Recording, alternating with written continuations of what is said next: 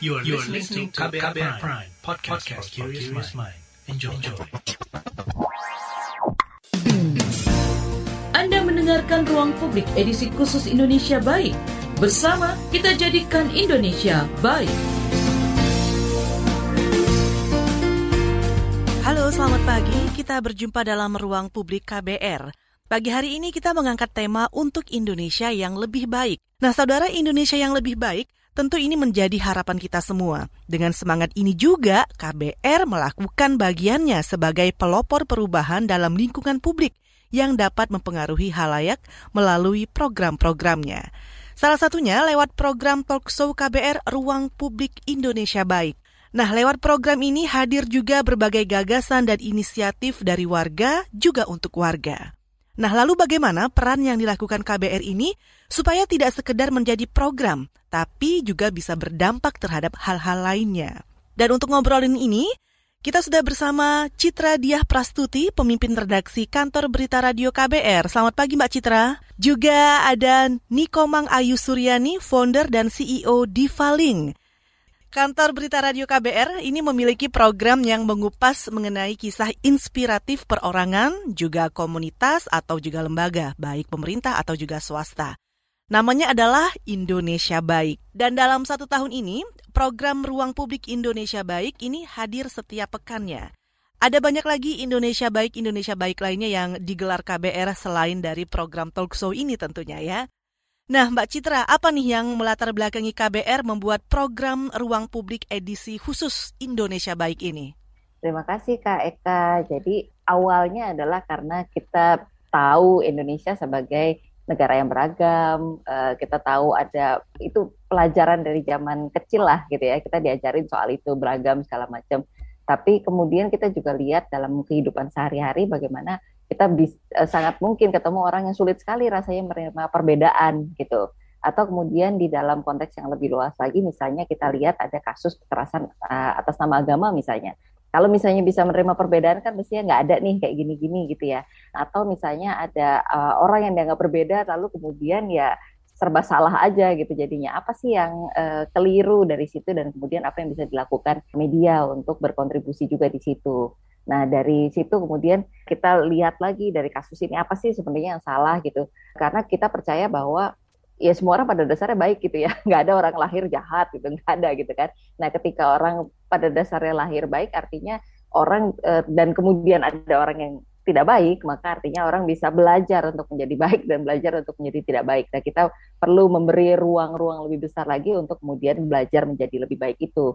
Nah, media kan juga jadi punya peran yang penting karena dia menciptakan perjumpaan gitu. Yang tadinya bubble masing-masing gitu ketemunya di media lalu kemudian oh ternyata begitu ya oh ternyata begitu ya. Nah kita pengen lebih banyak lagi oh ternyata begitu ya. Dari situ kemudian mudah-mudahan muncul empati eh, kepada uh, orang yang berbeda dari dia sendiri. Kira-kira seperti itu dan ternyata walaupun di masa pandemi kita berjumpa hanya secara virtual, itu rupanya tidak menghalangi gerak langkah kita ya untuk bisa tetap mengadakan talk show atau gerakan-gerakan yang berhubungan dengan Indonesia baik ya Mbak Citra?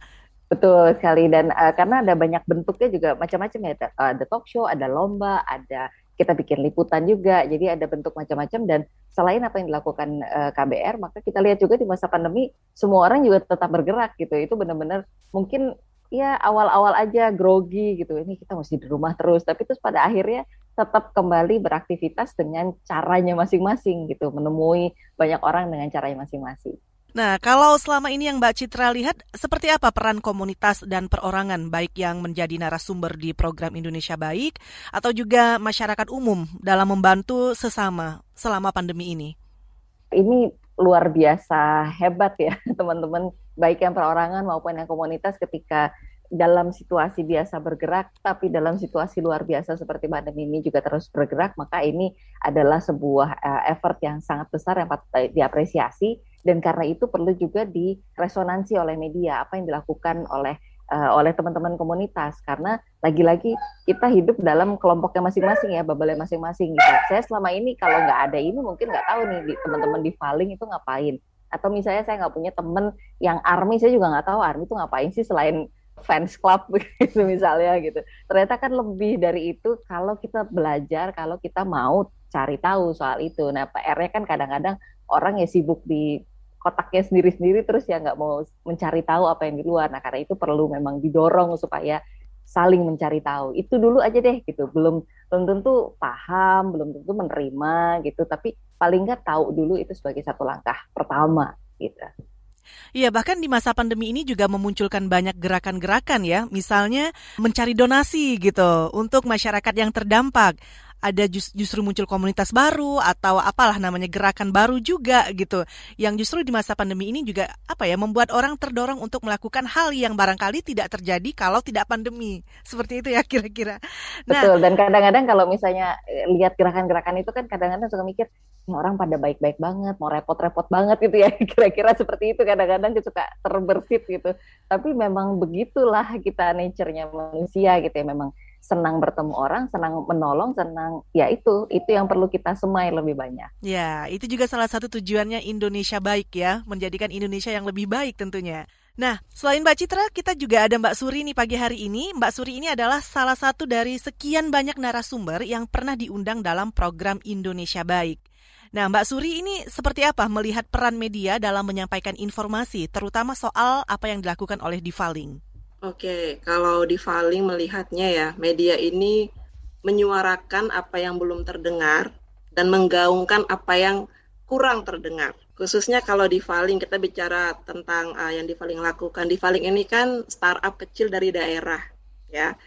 Kalau katanya pejuang-pejuang startup, kalau nggak di Jakarta itu nggak akan bisa sukses, gitu katanya ya.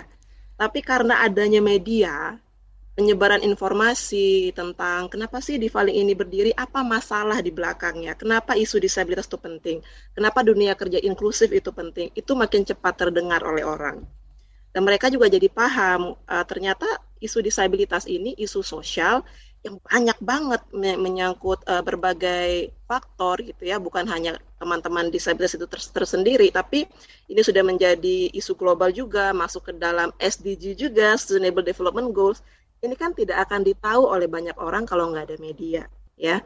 Jadi peran media ini sangat penting untuk menyebarkan informasi pastinya dan juga untuk membangun awareness di kalangan banyak orang. Mm-hmm. Gitu Mbak Kajol. Oke, kalau Mbak Suri melihatnya ini berbagai inisiatif terutama di saat pandemi ini yang banyak sekali bermunculan untuk membantu mereka yang terdampak itu seperti apa Mbak? Oke, kita semua tahu ya pandemi ini masa-masa tersulit untuk banyak manusia ya seolah-olah kita tuh jalan perumpamaan ini kalau saya lihat kita jalan di terowongan gelap banget. Kemudian inisiatif baik itu seperti cahaya di ujung terowongan itu. Inisiatif baik ini seperti menyeimbangkan semua keadaan negatif pada saat pandemi ini. Jadi semua inisiatif baik ini seperti memberi harapan. Jadi seberat apa pun ya kondisi yang ada akan selalu ada celah yang baik.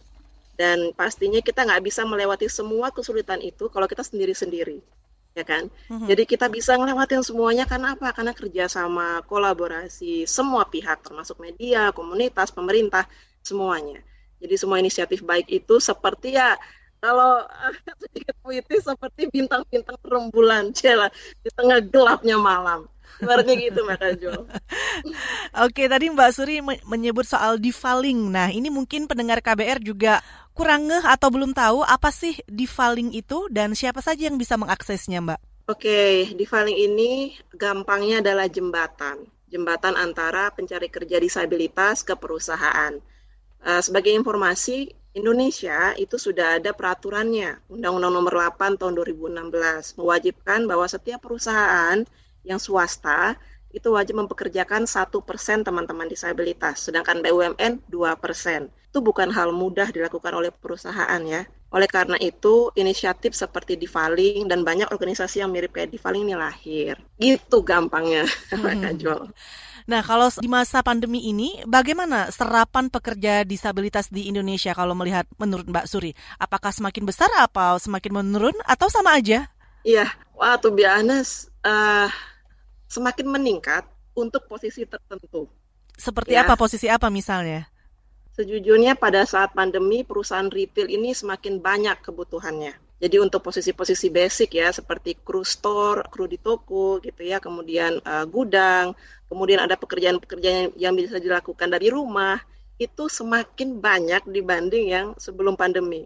Jujur pada saat pandemi ini menghantam dunia, itu di paling sempat pesimis kayak aduh gila ini yang non disabilitas aja banyak kehilangan pekerjaan. Well enggak apa namanya tidak dipungkiri bahwa teman-teman disabilitas banyak yang di PHK betul. Tapi banyak juga muncul kesempatan-kesempatan baru gitu loh. Jadi kayak kayak wow oke ada sisi positifnya juga ya pandemi ini. Syukurnya kayak gitu mbak. Memang banyak uh, posisi-posisi yang semakin sempit ya dikerjakan oleh teman-teman disabilitas tapi posisi-posisi yang buka seperti kru store gitu ya gudang uh, desain grafis itu semakin banyak hmm. Kalau desain grafis mungkin ini ya posisinya bisa dengan duduk saja bisa dilakukan gitu ya dari rumah. Ya. Tapi mungkin ada pekerjaan tertentu juga yang uh, mungkin tergantung dari situasi disabilitasnya seperti apa ya. Nah sebenarnya ya. apa sih Mbak susahnya menyerap tenaga kerja teman-teman disabilitas ini? Yang pertama itu stigma pastinya, stigma yang masih sangat kuat melekat di setiap orang, termasuk perusahaan. Karena kan perusahaan itu sudah punya goal sendiri-sendiri. Kasarnya, perusahaan itu tidak mau menambah beban, kasarnya begitu, ya kan? Kemudian stigma yang menganggap teman-teman disabilitas itu beban itu masih kuat. Itu kendalanya. Jadi bagaimana dengan membuktikan bahwa mereka ini bukan beban. Mereka sama aja kayak kita, mereka pandai ngomong, pandai komunikasi, punya semua skill, cuman mereka yang terbatas apa? Kesempatannya. Jadi kalau nggak ada kesempatan gimana dia bisa membuktikan kan? Ini gue bisa kerja gitu ya mau buktinya gimana coba ya kan? Jadi sering banget di filing salah satunya itu membuka seperti internship dulu. Nih buktiin dulu lah nih internship coba dulu. Terkadang perusahaan nggak perlu ngeluarin dana karena sudah ada dana yang menyokong di belakangnya gitu ya. Hanya untuk membuktikan bahwa mereka mampu loh jadi tim kamu mereka mampu menyokong kamu supaya mencapai goal perusahaan gitu sih. Oke, kalau di KBR dulu Mbak Citra kita pernah menerima anak magang autis ya, yang salah satunya dia Down sin Down syndrome. Syndrome, oh waduh. Uh, Posisi apa itu? Satunya website gitu menerjemahkan dari bahasa Inggris ke Indonesia, yang satunya lagi bagian admin, admin media sosial bagian kayak mereka pendengar gitu, interaksi pendengar. Mantap. Itu bisa di highlight loh KBR. Saya ceritakan tuh nanti sesi tersendiri tuh. Betul. Dan kalau pengalaman dari KBR ketika uh, saat itu ada magang itu ya memang juga jadi pengalaman baru buat kita gitu ya tentu saja stigma itu tak terhindarkan, tapi kita tahu bahwa kita nggak boleh melakukan itu gitu. Jadi kemudian caranya adalah jangan ya berkenalan, mencari tahu lebih dalam dan magang mana pun itu kan pasti butuh diajarin gitu. Ya, ya sudah ya betul. sama aja gitu. Jadi pada prinsipnya memang betul seperti tadi kata Mbak Suri ya, ya sama aja sama yang lain tinggal dikasih kesempatan aja untuk membuktikan. Oke, nanti kita akan lanjut lagi obrolan ini ya Mbak Suri dan Mbak Citra, tapi kita akan jeda sebentar. Kami akan kembali lagi di ruang publik KBR untuk Indonesia yang lebih baik. Anda mendengarkan ruang publik edisi khusus Indonesia Baik. Bersama kita jadikan Indonesia baik. Iya, kita lanjut lagi di ruang publik KBR dengan tema untuk Indonesia yang lebih baik bersama saya Eka Juli. Nah, tadi di segmen pertama ini Mbak Suri bercerita tentang inisiatif yang diusung Mbak Suri bersama di filingnya yang berkaitan dengan disabilitas ya. Dan kita tahu ini masih banyak orang dengan disabilitas ini didiskriminasi dan tidak mendapatkan hak-hak mereka. Seperti misalnya hak pendidikan, kesehatan, dan juga pekerjaan. Nah, kalau menurut Mbak Suri, ini apa sih yang perlu dilakukan agar inisiatif-inisiatif baik untuk menolong orang lain seperti yang dilakukan oleh Mbak Suri dan teman-teman di filing ini terus berlangsung lama? Jangan hanya semangatnya hanya pandemi saja gitu atau hanya semangat pada masa-masa tertentu saja tapi kalau bisa ini panjang gitu masanya. Oke. Mungkin teman-teman pernah dengar patah mungkin ya, patah if you want to walk far gitu ya, walk together. Kalau mau walknya fast atau cepat, walk alone.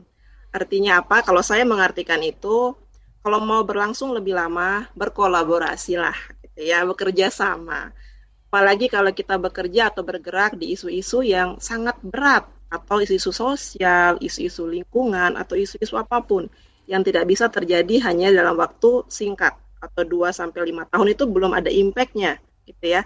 Untuk bisa mencari impact atau memperlihatkan impact itu butuh 10 tahun minimal. Jadi untuk bisa mencapai itu tentunya harus berkolaborasi sebanyak mungkin, seluas mungkin gitu ya. Hubungan juga harus baik dengan semua pihak kemudian membangun awareness juga harus seluas-luasnya. Apalagi terkait isu disabilitas yang mungkin kayak impact saat ini ya Mbak Kajol, ini mungkin hasil pergerakan 10 tahun yang lalu.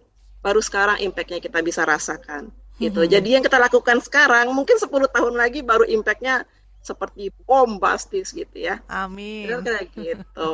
Jadi kolaborasi ya kuncinya karena dengan kolaborasi itu juga sebenarnya kayak uh, promosi juga dari kegiatan kita. Jadi pihak yang dijadikan kolaborasi juga akan bercerita dengan pihak-pihak lainnya yang akhirnya jadi menyebar menyebar dari mulut ke mulut. Nah, kita tahan dulu obrolan kita karena ada Pak Jimmy di Duren Sawit Jakarta Timur yang akan bergabung bersama kita. Selamat pagi Pak Jimmy. Halo, selamat pagi. Selamat pagi, silakan.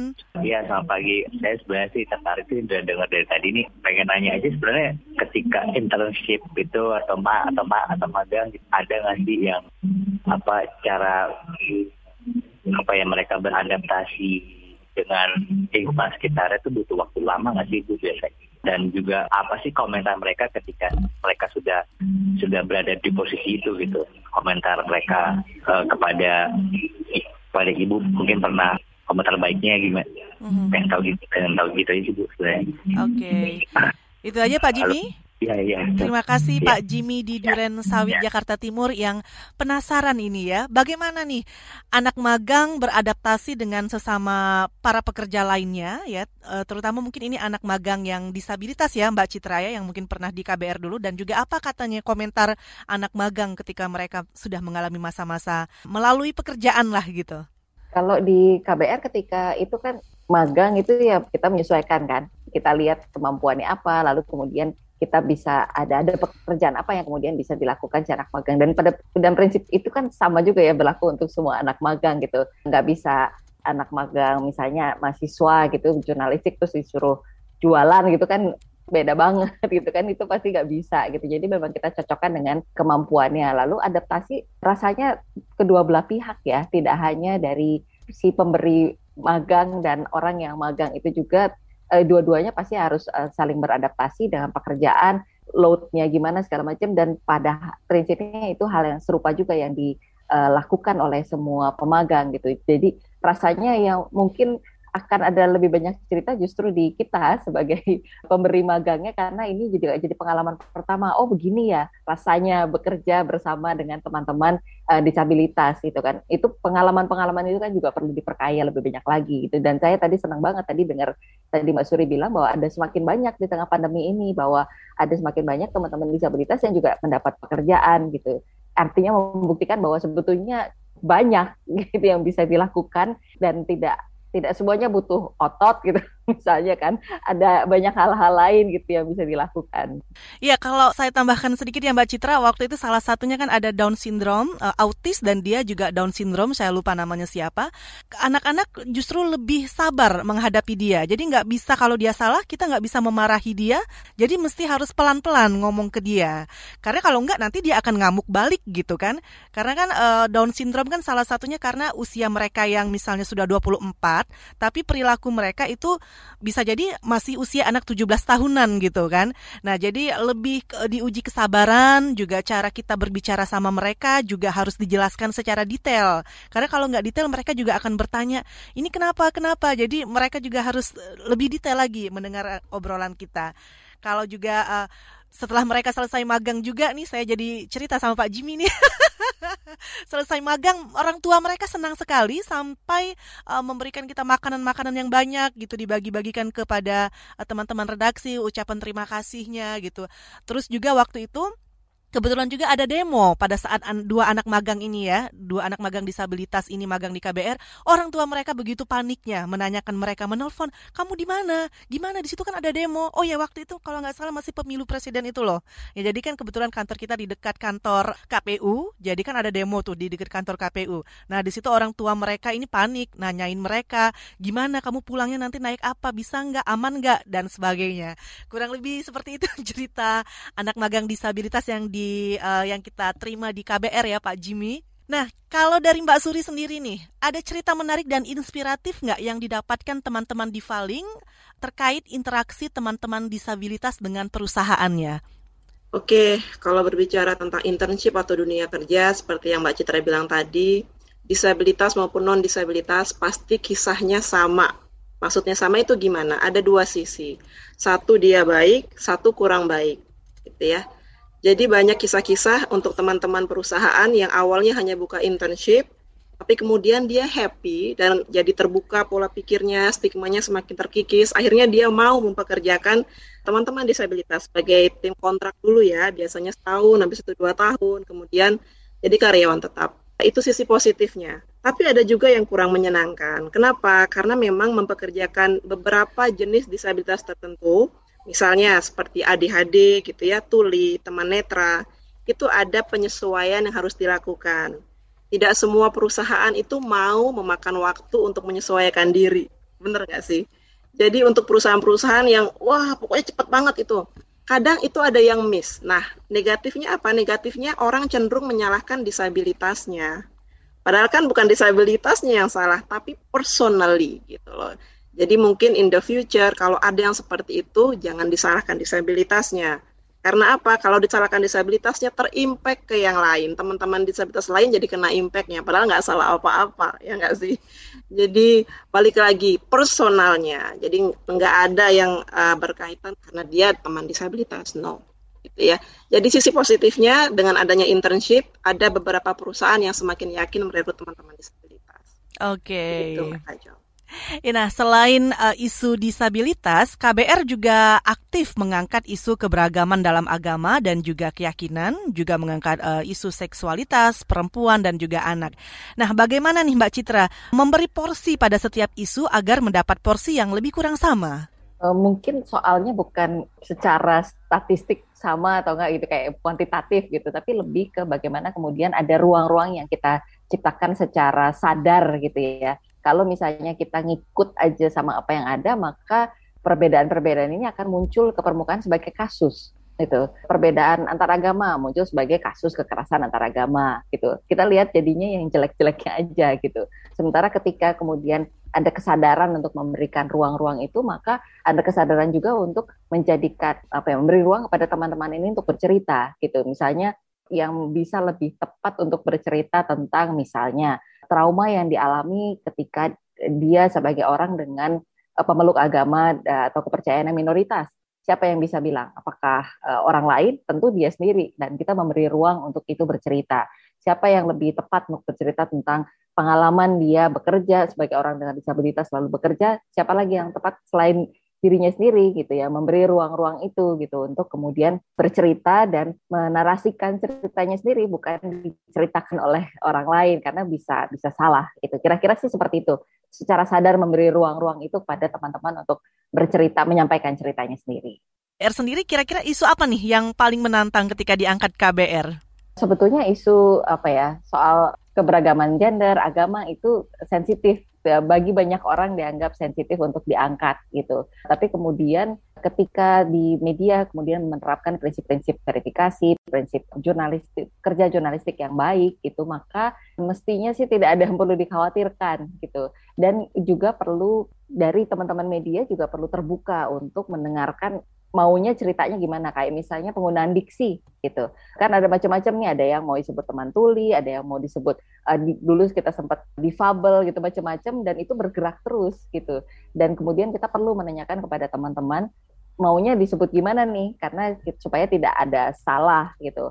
Atau uh, terkait misalnya penggunaan diksi lainnya adalah ketika misalnya ada kasus kekerasan antar agama misalnya maka kita perlu menempatkan itu secara tepat. Apakah ini serangan apakah ini bentrok, apakah ini diserang gitu. Penggunaan-penggunaan istilah itu juga jadi mesti uh, tepat termasuk uh, hal lain adalah kita sering kali melihat dalam percakapan di media atau percakapan di dunia nyata gitu apa-apa gitu. Oke, kita akan lanjutkan kembali obrolan ini masih di ruang publik KBR Mbak Citra dan Kak Suri, tapi kita akan break sebentar.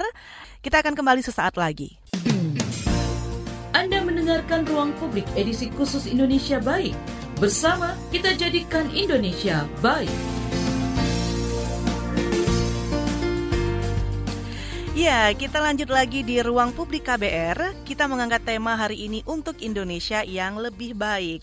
Masih bersama Citra Diah Prastuti, pemimpin redaksi kantor berita radio KBR, juga Nikomang Ayu Suryani, founder dan CEO di Faling. Nah, kita akan membacakan pesan-pesan di WhatsApp dan juga di YouTube ya. Di YouTube Berita KBR ini ada dari Ratna Kurniawati via YouTube. Apa saja kriteria disabilitas yang akan mendapatkan porsi di sebuah perusahaan? Mbak Suri. Oke, kalau fokusnya di Valing, itu kita ada tiga. Yang pertama itu fisik. Fisik itu uh, gampangnya amputasi tangan atau kaki, konjinental, dia nggak punya anggota badan sejak lahir, pengguna kursi roda gitu ya, kaki palsu. Kalau yang satu lagi ada netra dan tuli. Kemudian yang terakhir adalah disabilitas tidak terlihat. Nah, di tahun ini Divaling berfokus ke ADHD. ADHD itu gampangnya hiperaktif gitu ya, hiperaktif atau dia nggak bisa ini kayak nahan kayak kita sekarang itu dia nggak bisa cepat bosen. Hmm. Nah, kita fokus di ADHD juga. Sebenarnya semua jenis disabilitas bisa dengan penanganan yang khusus gitu ya. Cuman yang menjadi target dari Divaling adalah teman-teman yang sudah siap masuk ke dunia kerja. Jadi mereka at least sudah punya pendidikan pastinya atau pengalaman kerja. Gitu. Semoga sih menjawab ya. Pendidikan juga minimal SMA gitu rata-rata minimal SMA. Oke, ada uh, pelatihan juga nggak Mbak yang diselenggarakan oleh Divaling ini agar memudahkan teman-teman ya. disabilitas menuju ke perusahaan yang mereka inginkan gitu? Iya, pastinya pastinya. Jadi selama corona uh, ada sisi baiknya ya. Jadi kita bisa melakukan secara online, kita bisa menjangkau lebih banyak area lagi. Semuanya dilakukan secara online. Jadi mengajarkan mereka supaya lebih profesional lagi. Profesional dalam artian kalau mereka masuk ke dunia kerja semuanya itu ada aturannya. Bahkan kamu mau izin sakit pun ada aturannya. Nah, ini yang belum dipahami oleh mereka. Kemudian diinformasikan kalau kamu mau melamar kerja, nggak bisa satu CV, kemudian kamu pasti dapat gitu ya. Nggak bisa begitu. Rata-rata teman-teman seperti itu Mbak Kajol. Jadi dia mulai satu, wah kejar-kejar terus kali gitu. sampai enam bulan. ya, jadi kayak, kenapa gue nggak panggil-panggil gitu ya? Memang enggak. Nah, kita kasih tahu kenapa. Tipsnya bagaimana, itu laporannya. Di filing salah satunya. Oke, ada juga yang ratusan bahkan ya Mbak Suri ngirimin CV-nya belum tentu juga gitu ada yang nyantol. itu dia. Iya, nah ngobrolin soal Indonesia baik lagi nih ini secara khusus KBR juga selain uh, fokus terhadap masalah keberagaman tadi ya sudah kita singgung juga apa namanya uh, isu disabilitas. Nah KBR juga menyelenggarakan lomba konten Indonesia baik nih Mbak Suri ya. Ada beberapa jenis lomba yang diadakan dan sudah terpilih pemenangnya. Nah, mungkin Mbak Citra bisa menjelaskan ini soal karya yang sudah masuk dan apa sih tema yang paling banyak diangkat? Oke, karya yang sudah masuk itu sangat membahagiakan sekali ya angkanya karena selama 10 bulan kita bikin lomba ini setiap uh, setiap bulan terus-menerus kita dapat 1100 karya gitu. Jadi ada banyak sekali orang yang ternyata punya keinginan gitu untuk kemudian menuangkan dalam bentuk karya uh, bercerita tentang toleransi dari kacamata mereka sendiri gitu. Lomba itu dibagi dalam tiga kategori, yaitu ada teks, audio, dan visual gitu. Dan kita berganti-gantian karena ingin menakar juga sama menyebarkan orang nggak semua uh, hobinya ya hanya di teks misalnya, tapi juga ada yang visual, ada yang audio gitu segala macam. Uh, jadi kita membuka tiga kategori itu dan tema yang paling banyak adalah memang uh, soal keberagaman agama gitu. Rasanya mungkin kata toleransi itu lebih atau keberagaman gitu lebih nyambungnya sama uh, perbedaan agama gitu segala macam atau suku. Tapi uh, pada prinsipnya kan sebetulnya apa yang kemudian dianggap berbeda kita nggak tahu tuh oh ya kayak tadi Mbak Suri tadi cerita bahwa izin sakit itu ya mesti ada aturannya gitu. Itu kan mungkin buat banyak orang ya iyalah gitu kan kira-kira kayak gitu. Tapi kemudian ya memang memang pemahaman beda-beda gitu. Dan itu nggak lantas jadi lebih baik atau lebih buruk gitu ya. Beda aja gitu ya. Udah kan tinggal dikasih tahu gitu kan. Nggak nggak usah dimarahin. Kira-kira seperti itu ya. Jadi kemudian bagaimana kemudian uh, tapi kalau dari kembali ke pertanyaan uh, Kak Eka tadi soal uh, tema lebih banyak kayak sepertinya orang menafsirkan keberagaman itu keberagaman agama. Padahal sebetulnya ada banyak sekali keberagaman di sekitar kita, termasuk juga dengan teman-teman disabilitas gitu. Ya, ini kan juga berbeda gitu tapi kemudian ya nggak apa-apa gitu. Bahwa ada hal-hal yang perlu dilakukan kayak misalnya di trotoar. Jadi mesti dilakukan ada kekhususan supaya teman-teman disabilitas bisa bisa menikmati itu juga ya nggak apa-apa. Kadang-kadang saya sekarang kalau lagi lewat trotoar trotoar di Jakarta misalnya itu kan nggak enak ya atau di mana pun lah ya kayaknya kan semua trotoar tuh naik terus ntar turun lagi pas ketemu rumah orang terus ntar naik lagi terus turun lagi gitu kan. Itu buat jalan biasa aja nggak enak apalagi orang yang masih pakai kursi roda bagaimana. Ya iyalah jadinya pada susah mobilitas ya karena tidak mendukung situasinya. Nah itu yang kita perlu dorong dorong bersama karena supaya situasi itu aksesibel inklusif untuk semuanya. Oke. okay. Dari ribuan karya yang masuk ada 1.100 gitu ya. Kebanyakan soal toleransi yang seperti kata Mbak Citra tadi lebih mengarah ke perbedaan agama gitu. Padahal rupanya lebih luas. Soal disabilitas, soal adat istiadat juga ya. Soal um, kehidupan... Ragam gender. Nah, ragam gender itu juga luas sekali soal keberagaman. Dari banyaknya cerita-cerita yang beragam tadi, kira-kira apa yang bisa kita baca antu dari antusiasme anak muda ini, Mbak Citra, saat mereka mengikuti lomba konten baik ini? Uh, bahwa toleransi sebagai suatu isu yang buat banyak orang, aduh, nggak ada itu kan urusan pribadi, itu urusan dia. Ternyata orang, ya minimal ada 1.100 orang gitu yang bersenang dan gembira untuk mengirimkan karyanya dan cerita tentang toleransi dari sisi mereka. Itu artinya kita nggak perlu khawatir bicara soal toleransi karena takut menyinggung gitu. Takut menyinggung kan karena kita nggak punya banyak pengetahuan tentang orang lain gitu. Ketika kita sudah punya banyak pengetahuan tentang orang lain, tentang kelompok yang di luar kelompok kita, maka ya mestinya nggak perlu ada ketakutan itu ya beda aja ya. Uh, salah satu episode kita di talk show kan juga bahas soal uh, beragama dengan gembira gitu. Kayak kita ya hidup ya gembira-gembira aja gitu maksudnya nggak usah nggak usah kemudian sepaneng atau tegang ketika menghadapi kelompok yang berbeda ya berbeda ya nggak apa-apa kan diajak ngobrol aja. juga muncul juga eh, kelompok-kelompok garis lucu gitu ya, cadar garis lucu, NU garis lucu. nah, itu coba mempertertawakan diri sendiri itu juga penting ya. Nah, kalau Mbak Suri sendiri nih, uh, selain persoalan disabilitas, apa saja sih yang saat ini masih jarang didengungkan dan sangat perlu itu untuk didengungkan? Oke, wah banyak banget ya. Uh, intinya keberagaman gitu ya. Um, ya salah satunya toleransi beragama karena di Indonesia ini kan majemuk ya. Memang ada satu yang sangat besar di Indonesia, tapi kita hidup dengan berbagai macam kepercayaan, ada istiadat, agama yang mana kalau disenggol sedikit itu bisa kacau. Senggol bacok ya katanya. Ya kan? Senggol bacok. Kayak tuh sensitif banget gitu ya. Jadi memang uh, apa namanya sesi-sesi uh, seperti yang KBR lakukan. Saya ingat banget waktu itu sempat ada sesi kebinekaan ya. Itu kalau saya personally jarang, jarang melihat sesi yang seperti itu. Apalagi kalau misal menargetkan anak-anak muda yang mana mereka mungkin sekarang udah terkikis kali ya, bisa dibilang ya, kayak pentingnya ke, uh, menjaga kebinekaan tunggal ika ini gitu. Kemudian ini sensitif juga nih tentang gender, LGBT, wah itu sensitifnya luar biasa Oke, mungkin banyak yang tidak mendukung sisi LGBT-nya, tapi melupakan hak-hak mereka sebagai seorang manusia, misalnya ya.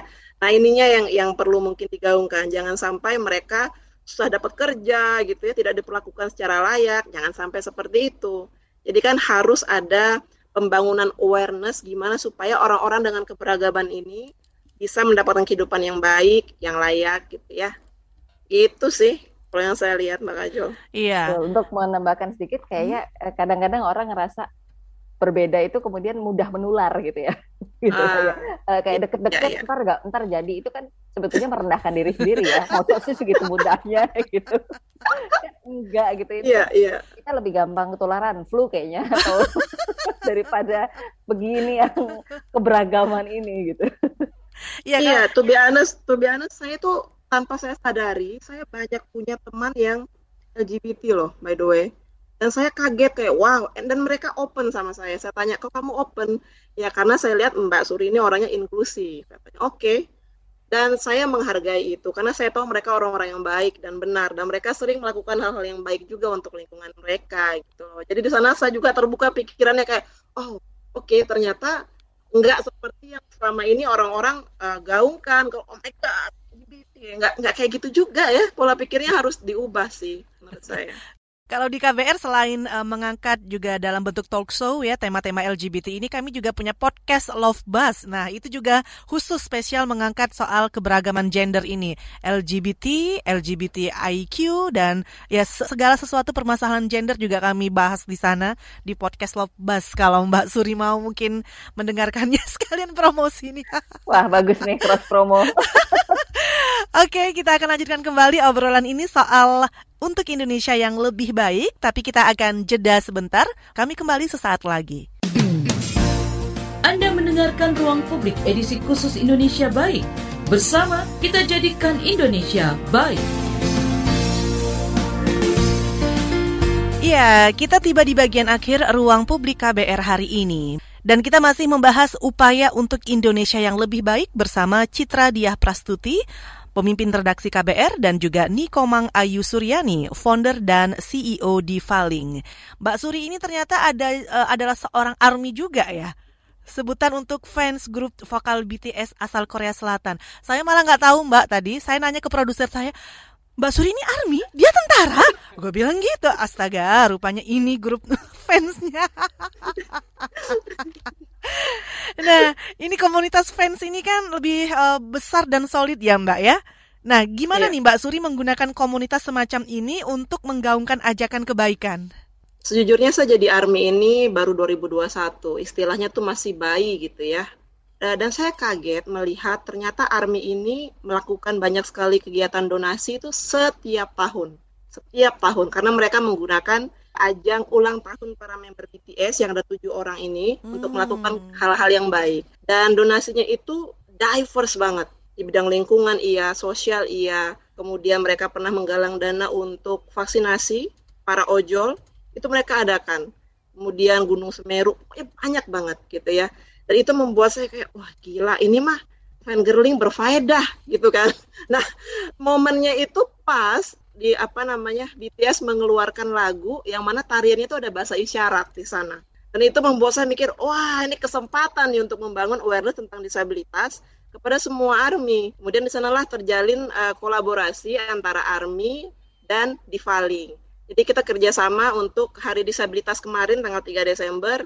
Mereka bantu Divaling untuk penggalangan dana, kemudian mereka konekin Divaling dengan Grab gitu ya Kemudian mereka mengikuti kelas bahasa isyarat. Bayangin ya, itu baru dipublish tiga hari sebelum hari H, itu yang daftar 6, 600 orang untuk kelas bahasa isyarat aja. Tapi yang bisa masuk Zoom cuma 100 orang. Jadi, dan mereka itu full house gitu loh. Kayak benar-benar mereka mengikuti dengan sangat senang. Di sana Divaling melihat bahwa ini army motor yang baik untuk menyebarkan kebaikan, ibaratnya kayak gitu ya. Karena cepat banget apa pun yang berkaitan dengan BTS gitu ya itu cepat banget menyebarnya.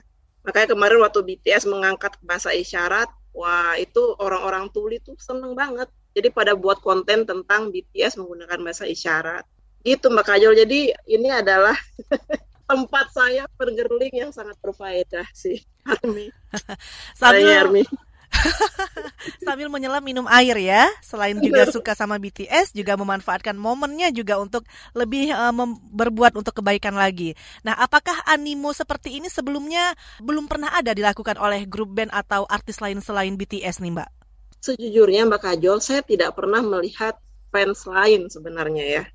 Uh, mungkin ada, mungkin ada. Saya aja yang tidak tahu gitu ya Cuman karena ini pertama kalinya saya menjadi fans untuk seorang grup band, itu pun karena lagunya mereka mem, mem, apa, membangkitkan semangat saya yang hampir padam gitu ya. Kemudian tersulut lagi kan, wow, lagunya gini banget ya, kayak menyulut-nyulut api.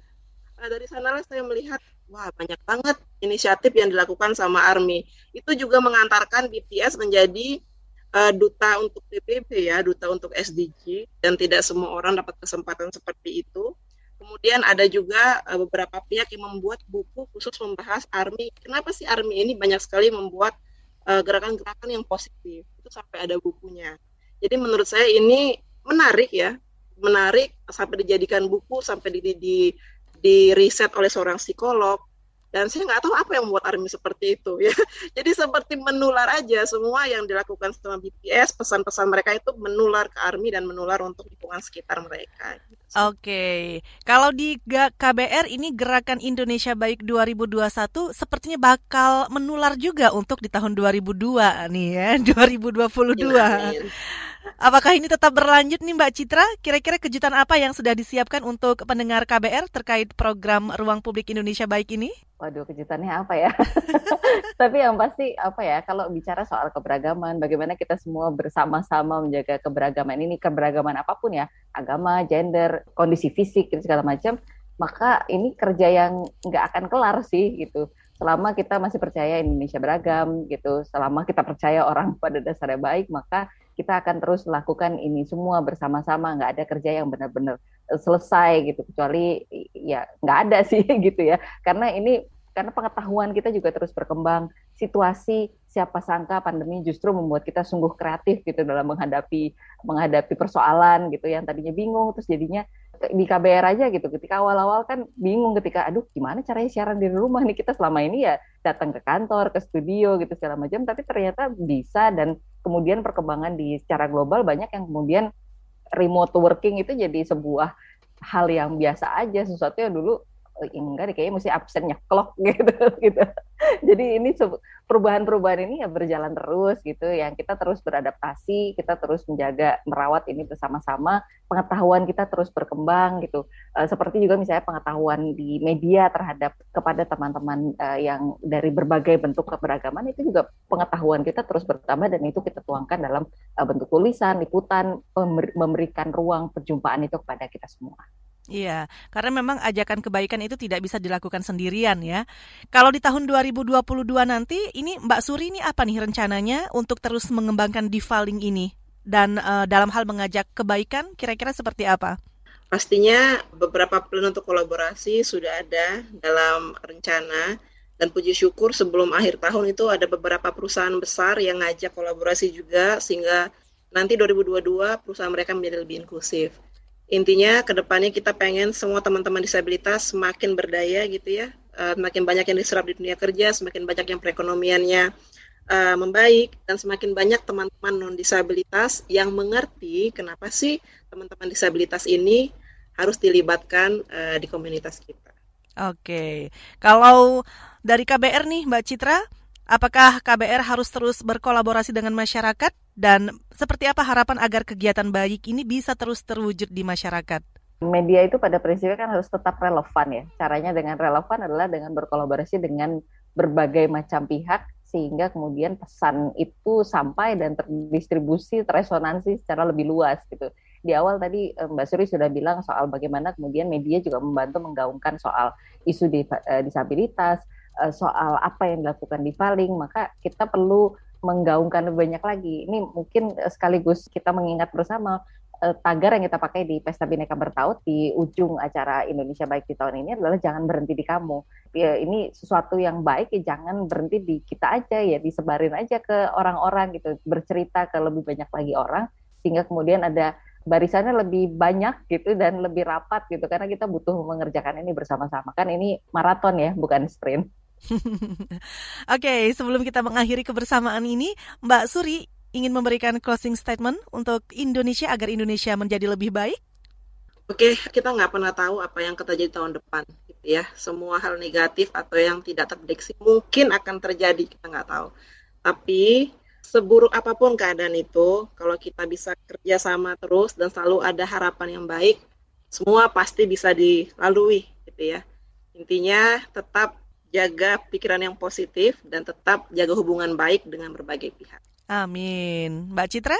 Mungkin sekaligus menyinggung sedikit tadi ada pertanyaan di chat, sampai kapan Indonesia akan lebih baik kok sampai sekarang belum dirasakan. Ini kan kayak ngasih nama anak ya kan katanya penuh doa gitu ya. Kita kan ngasih nama kegiatan, gerakan ini juga penuh doa supaya Indonesia jadi lebih baik dan nggak bisa berhenti di doa tentu saja kan. Kita harus bekerja bersama-sama melakukan berbagai macam gerakan gitu. Kita sudah di Indonesia Baik 2021 KBR sudah melakukan 1 2 3 4 5 maka berikutnya ya 6 sampai 100 gitu ya akan kita lakukan dengan menggandeng lebih banyak lagi orang. Karena cross isu itu jadi sangat penting untuk gaungnya supaya lebih kuat. Karena isu disabilitas ya bukan bukan hanya soal misalnya isu kesehatan tapi juga isu hak asasi manusia ini juga isu soal uh, ketenaga kerjaan gitu jadi ada banyak isu dan pada prinsipnya semua isu ya begitu gitu jadi kita perlu uh, lebih banyak me membuat kaitan-kaitan itu secara lebih luas.